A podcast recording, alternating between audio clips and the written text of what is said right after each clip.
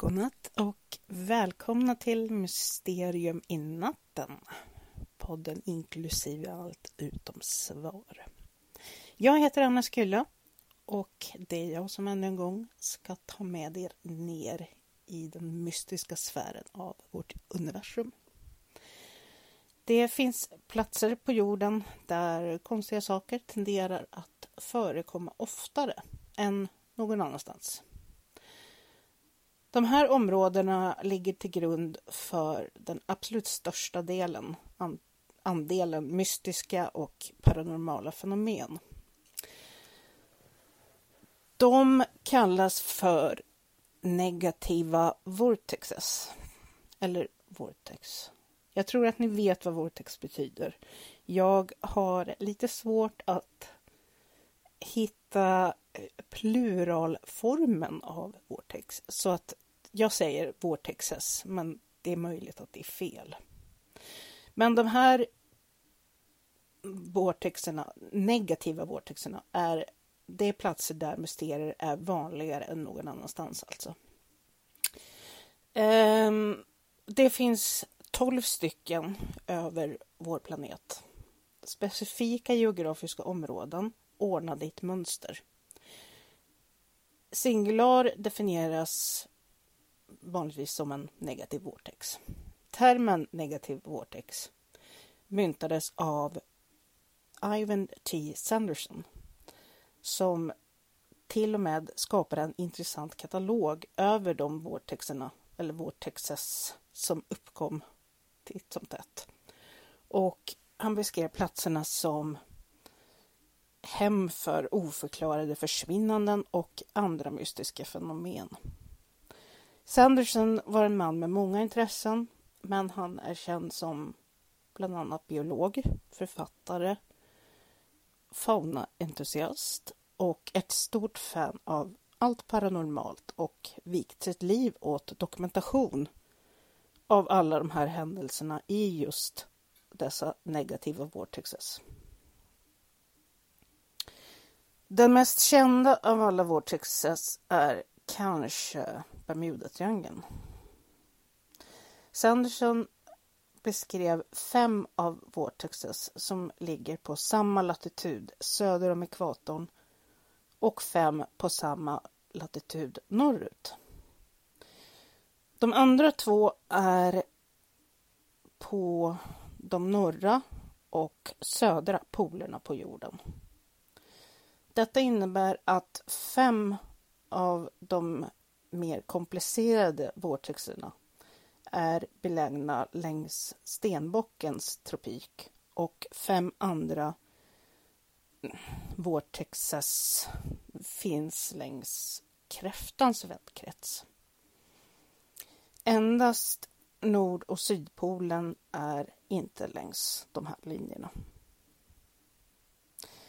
Sandersons intresse för det här började under hans resor och studier på 70-talet när han märkte att vissa regioner på jorden verkade antingen skapa eller locka till sig konstiga fenomen. De här vortexen... Vortex... Vi kör drinking game. Ta en sup varje gång jag säger vortexes. De vortexerna som han inkluderade i sin lista är kända för ett onormalt antal, antal försvinnanden och uppträdanden av till exempel konstiga ljus och ufos. Lista över negativa vortexes. Det är då Bermudatriangeln. Algeriska megal megaliterna som ligger söder om Timbuktu. Indus Valley ligger i staden Mohenjo-Daro i Pakistan. Hamakulia Volcano, eller Volcano säger man väl kanske, som ligger öster om Hawaii. Devil Sea är söder om Japan. Och South Atlantic Anomaly ligger i Sydatlanten.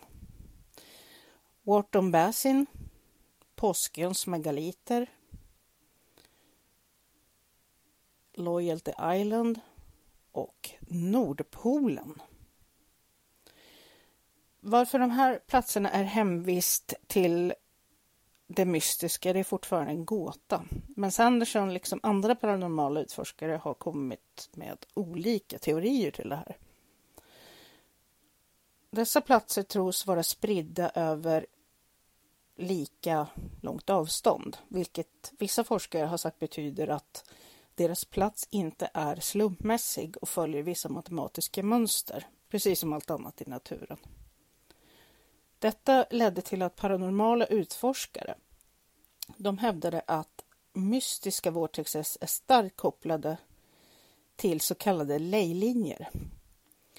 Viktiga platser där forntida människor byggde monument och andra strukturer som utnyttjar övernaturliga energier, till exempel då på Påskön.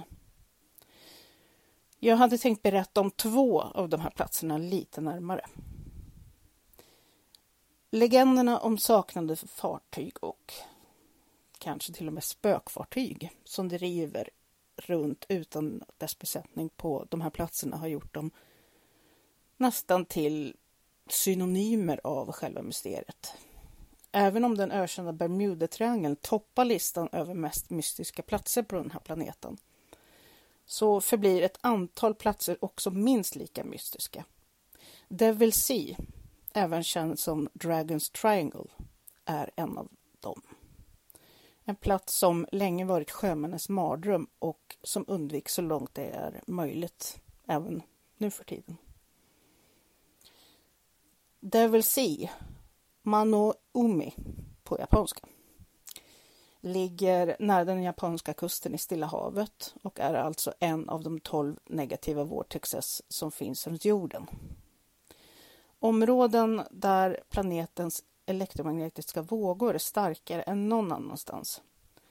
Som namnet antyder sträcker sig Dragons Triangle som en triangel mellan Japan och öarna Bonin, inklusive en stor del av det Filippinska havet. Geografiskt ligger triangeln runt Miyaki, som är den japanska ön som ligger cirka 100 kilometer söder om Tokyo. Men den exakta platsen för Devil Sea har många argumenterat om i många år eftersom flera rapporter hävdar olika avstånd till området. Vissa rapporter uppger att det är 110 kilometer långt ut från Japans östkustregion medan andra hävdar att den ligger nära Iwo Jima, en japansk vulkanö som ligger nästan 1200 kilometer från den japanska kusten. Eftersom Devil Sea inte officiellt ingår i kartan förblir den verkliga storleken och omkretsen av det okända vattnet okänd. Området har också kallats Pacific Bermuda Triangle och anger dess position som är precis motsatt mot Bermuda Triangle. Och i likheterna med de paranormala fenomen i området är otäckt lika de som kommer från Bermuda Triangle. Fruktansvärda upplevelser har dokumenterats sedan århundraden tillbaka just i Devil's Sea. Och även i modern tid så har området ofta varit på nyheten i decennier sedan fartyg har försvunnit. Mindre plan har slukats av till synes luften själv och det har kommit in många, många ufo-rapporter från just de här ställena. Ehm, det sägs att erövraren Kublai Khan, den femte stora khanen i det mongoliska riket och barnbarnet till Djingis khan, hade försökt inta Japan 1274 och 1281 efter Kristus. Men vid båda försöken så misslyckades han att invadera landet efter att ha förlorat sina fartyg och 40 000 besättningsmedlemmar utomlands i det här triangulära området och det är enligt uppgift på grund av hastigt uppkomna tyfoner. När Kublai Khan och hans armé övergav planen att invadera Japan trodde japanerna att det var Gud som skickade tyfonerna för att rädda dem från fienderna. Senare så förstärktes sanningen bakom legenden och dykare och marina arkeologer har hittat de återstående mongoliska flottorna från regionen. En annan historia berättar om en mystisk dam som seglade ett fartyg i Devil Sea i början av 1800-talet. Det sägs att fartyget liknade den traditionella japanska utrustningen för att bränna rökelse. Alltså väldigt lång och väldigt platt. Fartygets destination och identitet kvarstår dock fortfarande som ett mysterium. Huruvida just detta skepp alls funnits verkar det inte finnas några riktigt starka källor på. Det kan vara en sägen baserad på alla andra försvinnanden. Under det senare århundradet, särskilt på 1940 och 50-talet, försvann ett antal fiskfartyg och över fem militära fartyg i det här, just det här stället i havet. Eh, och det skedde just i ett område som ligger precis mittemellan Miyake Island och Iwo Jima. Som ett resultat skickade Japan forskningsfartyg med namnet Kaimaru nummer 51952 för att undersöka de tidigare saknade fartygen som hade rapport rapporterats försvunna i just Dragons Triangle utan några spår. Men forskningsfartygen med 31 besättningsmedlemmar utomlands mötte också samma öde som tidigare fartyg och slukades av Devil Sea.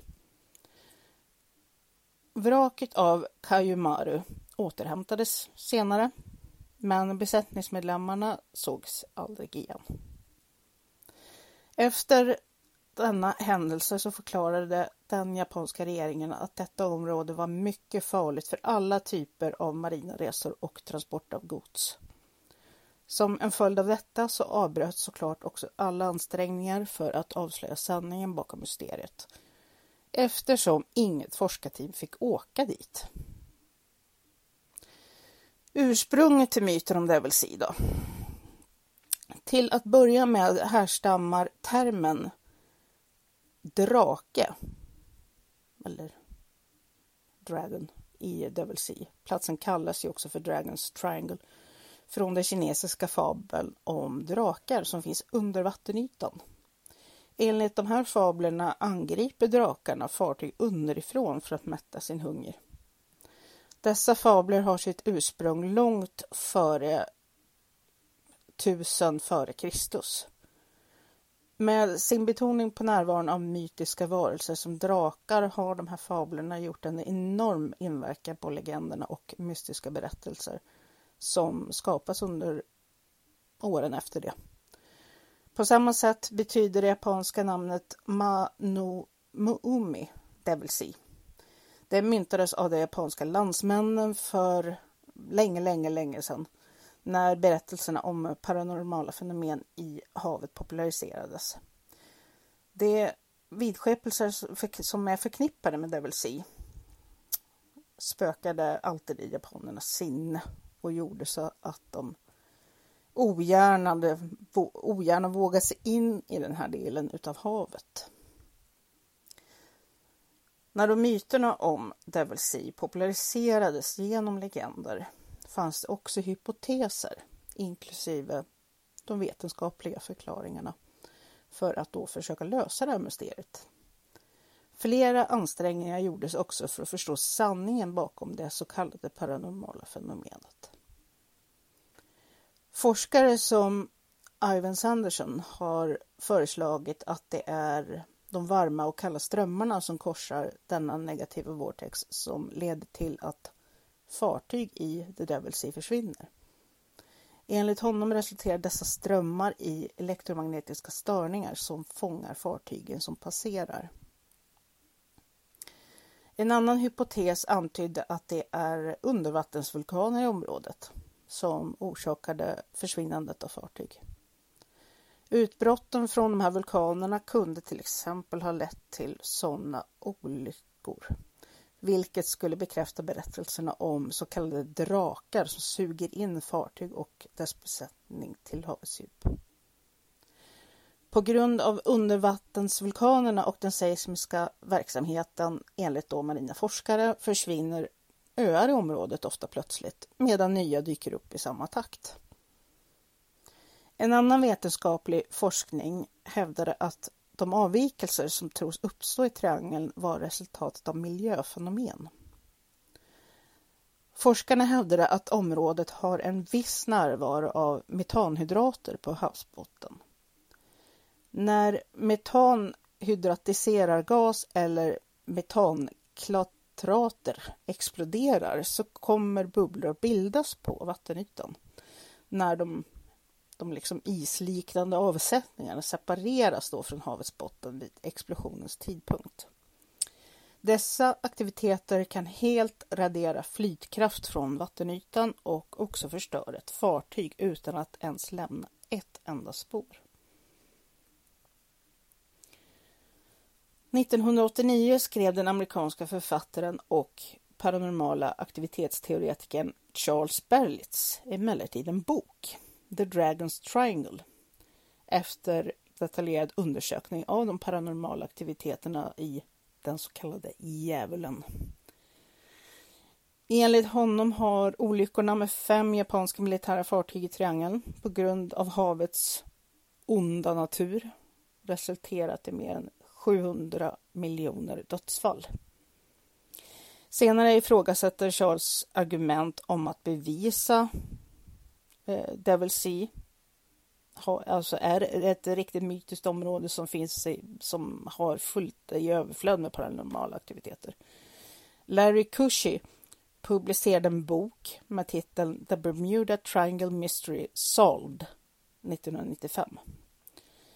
I sitt arbete förkastade Kushi historien om de japanska krigsfartygens försvinnanden och argumenterade att fartygen som försvann bara var små fiskebåtar. I sin bok har Kushi också hävdat att forskningsfartyget som skickades av japanerna innehöll en besättning på endast 31 personer i motsats till de 100 som Charles uppgav och att fartyget förstördes istället för att försvinna helt. Han hävdade att forskningsfartyget förstördes av en undervattensvulkan i september 1952. Resterna av vraket hämtades av japanerna för några år sedan, vilket ytterligare bevisade eller avvisade Charles påståenden.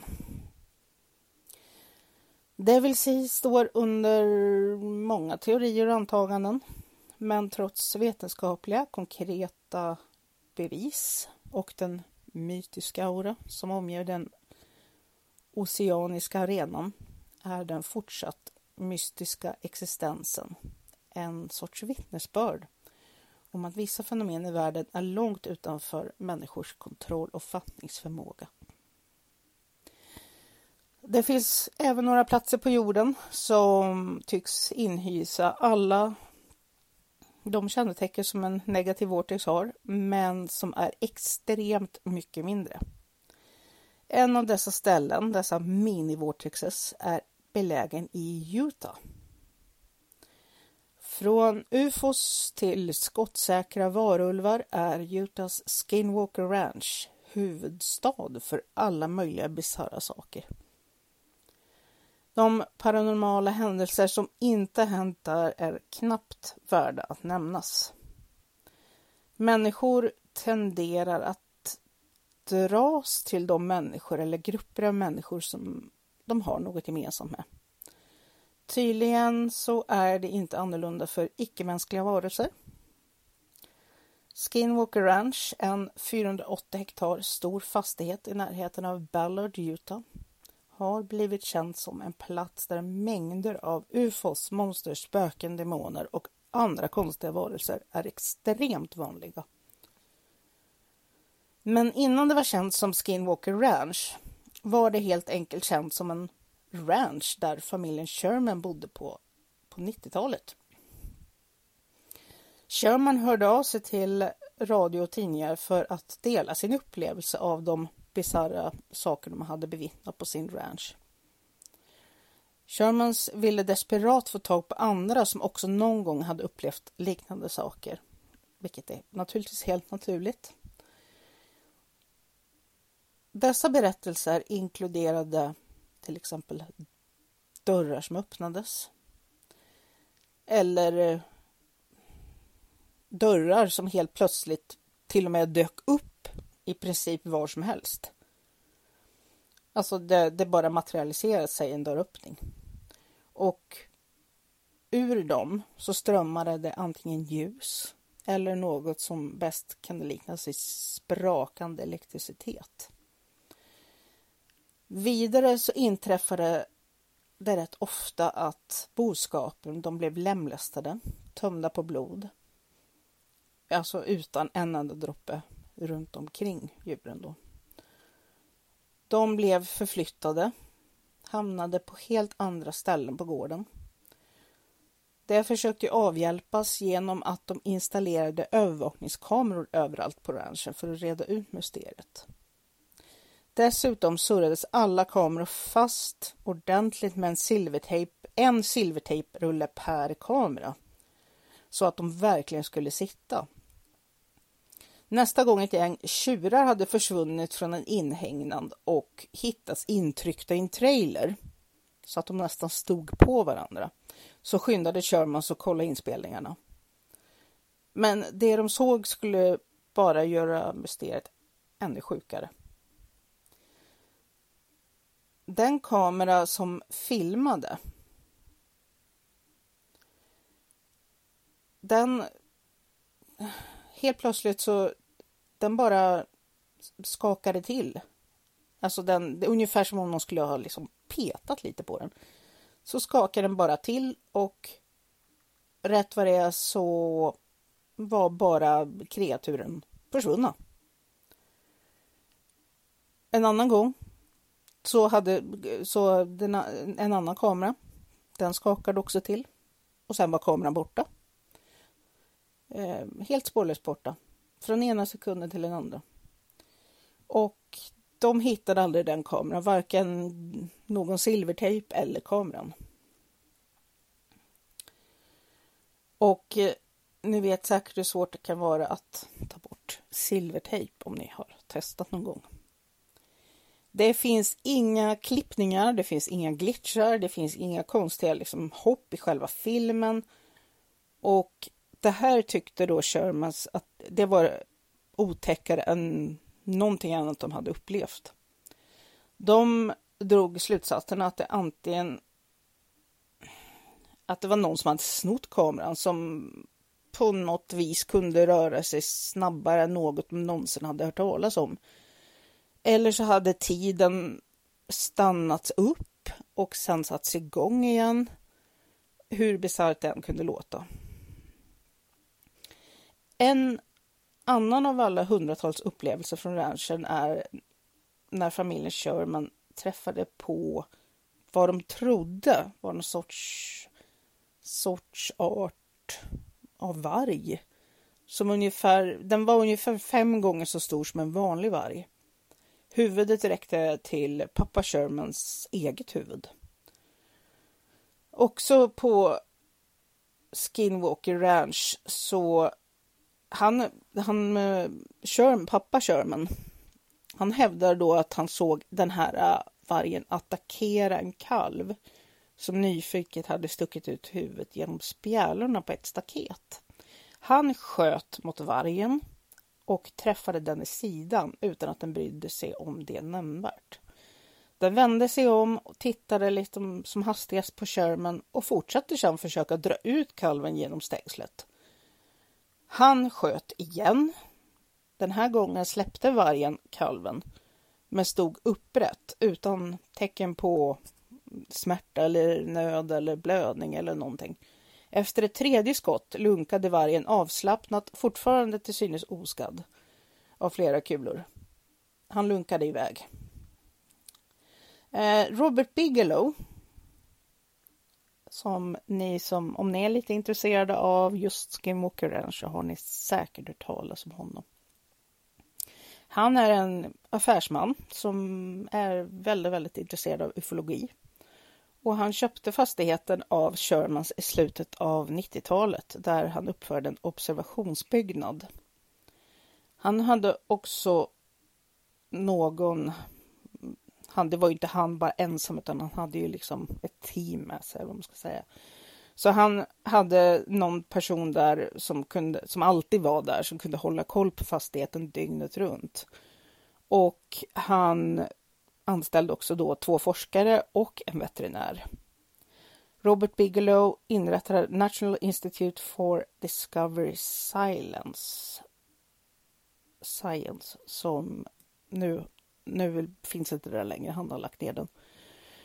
Men det var det han, eh, den National Institute som då bedrev den här forskningen. Men Bigelow och Sherman-familjen var inte direkt de första som upptäckte något konstigt på den här Skinwalker Ranch. En artikel i Desert News från 78 rapporterade att invånarna i området såg ett kupolformat UFO omgiven av ett glödande grönt ljus. I en ännu bisarr bisarr eh, turn of events så, så sträcker sig då berättelser om varelser som strömmar ut över Utah egendomen ännu längre tillbaka. Främst som berättade då av en stam som heter UT-stammen. Deras, eh, vad ska man säga, legender har länge pratat om att det är någonting som sker specifikt där. Stammens reservation, reservation, vad heter det? Reservation, jag säger det. Eh, det ligger i området och medlemmar där har länge trott att skinwalkers har bebott skogarna och bergen runt ranchen. Sen sen, alltså det som 1800-talet eller ännu tidigare. Och det är därför det heter Skinwalker Ranch. Definitionen av en skinwalker, den varierar lite från version till version. Det finns flera versioner. Men den anses väl vanligtvis som en ganska ond och kraftfull varelse som har förmågan att ta formen av olika djur. Det tros att för att bli en skinwalker måste en person begå det hemska, hemska dådet att döda och äta en människa.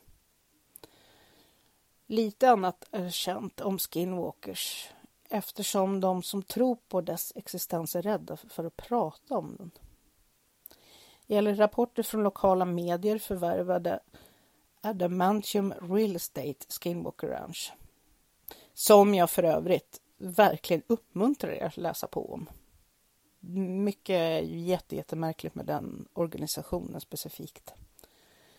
Ehm ja, Adamantium Real Estate eh, köpte ranchen i april 2016. Och sedan dess har de stött på många, många problem och de har fått upprepade inbrott vi har otroligt mycket problem med människor här nere och det är en ytterst upprörande och skrämmande situation, sa den nuvarande vårdaren av fastigheten som bara benämns som han, hon, dom eller det i alla papper som har då att göra med Adamantium Real Estate. Vem som än nu må äga Skinwalker Ranch så är det såklart jobbigt för dem, men det kan inte vara direkt överraskande. Med tanke på dess rika historia av ufo-observationer och fruktansvärda varelser rent ut sagt, så är det inte konstigt att troende eller nyfikna vill kolla in Skinwalker Ranch själva. Det finns två filmer, så vitt jag kan se, om just Skinwalker Ranch. Det är en spelfilm från 2013 och en dokumentär från 2018 som heter Hunt for the Skinwalker. Jag eh, gillar dem väl okej. Okay. De är okej, okay. även om jag då personligen föredrar dokumentären. Youtube-kanalen Secure Team 10 har gjort en intervju med mannen bakom dokumentären som jag också tycker är riktigt intressant. Och jag tänkte att jag kanske skulle lägga ut den på poddens Facebook-sida så kan ni själva lyssna på den intervjun. På gott och ont finns det ganska få personliga videos från ranchen och i dagsläget så verkar det i princip omöjligt att få tillgång till den.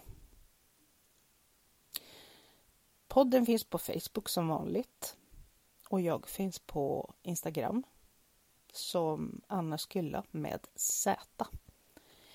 Tack för att ni lyssnat ännu en gång. Sov så gott. Puss puss.